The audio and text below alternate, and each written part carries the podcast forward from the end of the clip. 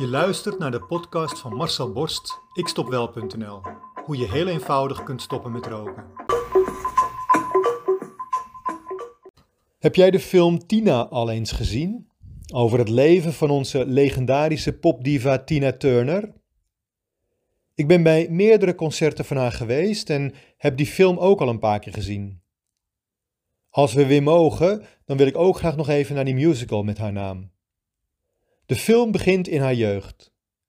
Tina is een jong meisje van een jaar of zeven en zit op een kerkkoor in een klein stadje Nutbush, waar ze geboren is in the middle of nowhere. Maar ze zingt altijd net even tegen het ritme van het koor in. Ze pakt altijd net even die andere stem. Ze haalt ook altijd net even iets meer uit op een net even verkeerde manier dan de bedoeling is. De vrouw die het koor leidt, wordt er knettergek van. En uiteindelijk pakt ze kleine Tina aan haar oorlelletjes vast, tilt haar bijna met de voetjes van de vloer en dirigeert haar zo het koor en de kerk uit. Tina is niet meer welkom.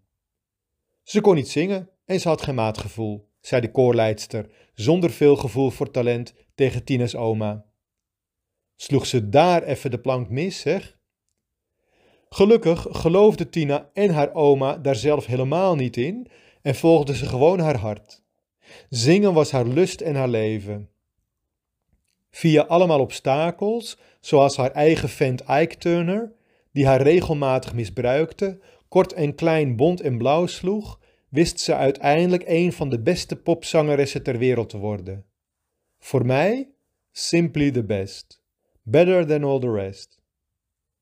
Tijdens een rechtszaak tegen haar man Ike, waarin ze na het zoveelste geweld van hem wilde scheiden, vroeg ze slechts één ding aan de rechter: het behoud van haar artiestennaam Tina Turner en het recht om een aantal liedjes te mogen blijven zingen: River Deep Mountain High en Proud Mary.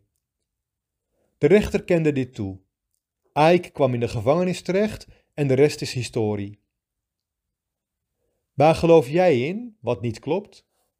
Wie of wat houdt jou klein? Rookverslaving bestaat niet. Althans, niet zoals jij denkt dat het is. Roken is voor het grootste gedeelte aangeleerd gedrag en heeft bar weinig met verslaving te, te maken. Wat jij verslaving noemt, is niet meer dan de gemakkelijkste weg voor je brein om even snel een beloning te voelen. Het is dus niet meer dan een beetje breinactiviteit. Die specifieke breinactiviteit is ook niet langer dan gemiddeld een week of drie nadat je bent gestopt nog actief in je lichaam. Daarna is de verslaving dus voorbij.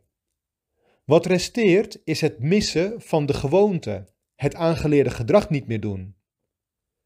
Ga je dood als je niet meer rookt? Nee hè? Maar zo voelt het wel in het begin, toch? Het gevoel van die behoefte is dus echt. De leegte is ook echt. Maar het is maar een gevoel. Een gevoel die jij zelf observeert. Jij bent niet dat gevoel. Jij observeert hem alleen maar en daarna reageer je erop.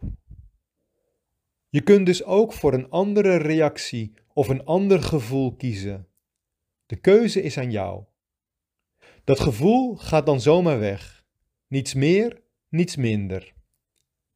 Als je dat trucje begrijpt en doorhebt, dan is het opeens heel eenvoudig om te stoppen met roken.